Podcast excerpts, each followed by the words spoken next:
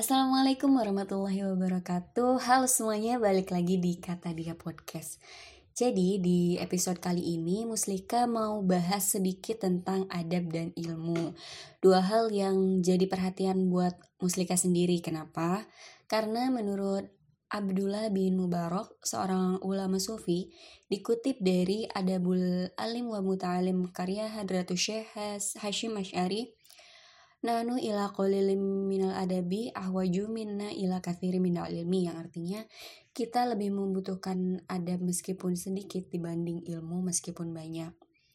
Kita sering dengar kan kalau ciri yang membedakan manusia sama binatang itu adalah manusia punya akal atau ilmu, sedangkan hewan itu gak punya, hewan cuma punya insting. Nah, kita semua sepakat bahwa hal ini benar adanya. Tapi meski mesti garis bawahi di atas ilmu ada yang lebih urgent yaitu adab atau akhlak.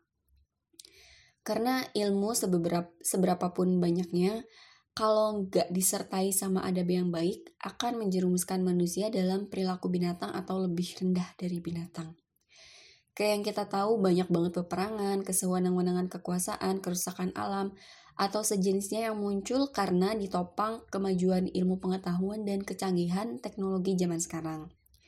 Kita lihat orang-orang di atas sana yang dalam tanda kutip makan uang rakyat. Kayaknya nggak mungkin banget nggak sih kalau mereka nggak berilmu. Mereka bisa ada di atas salah satunya karena ilmu yang mereka punya.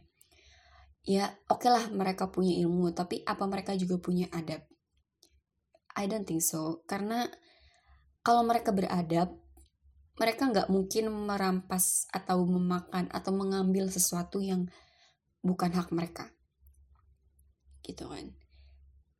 Nah itu baru satu hal kalau ilmu aja nggak cukup buat kita sebagai manusia tapi harus disertai dengan adab atau akhlak yang baik juga.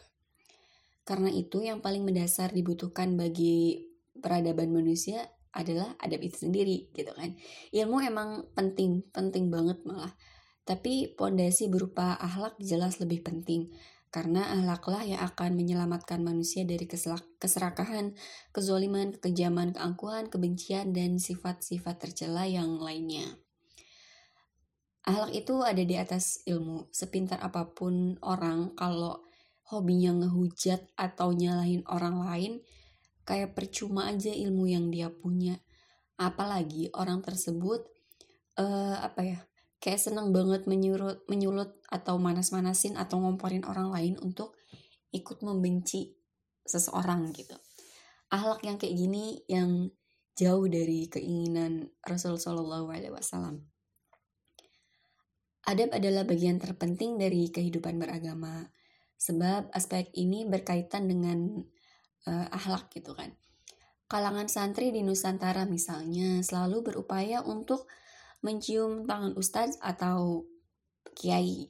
Salah satu alasannya mereka ingin keberkahan dari Allah Subhanahu wa taala melalui jalur melakukan akhlak baik yaitu bersopan santun ke orang yang lebih tua atau yang lebih berilmu.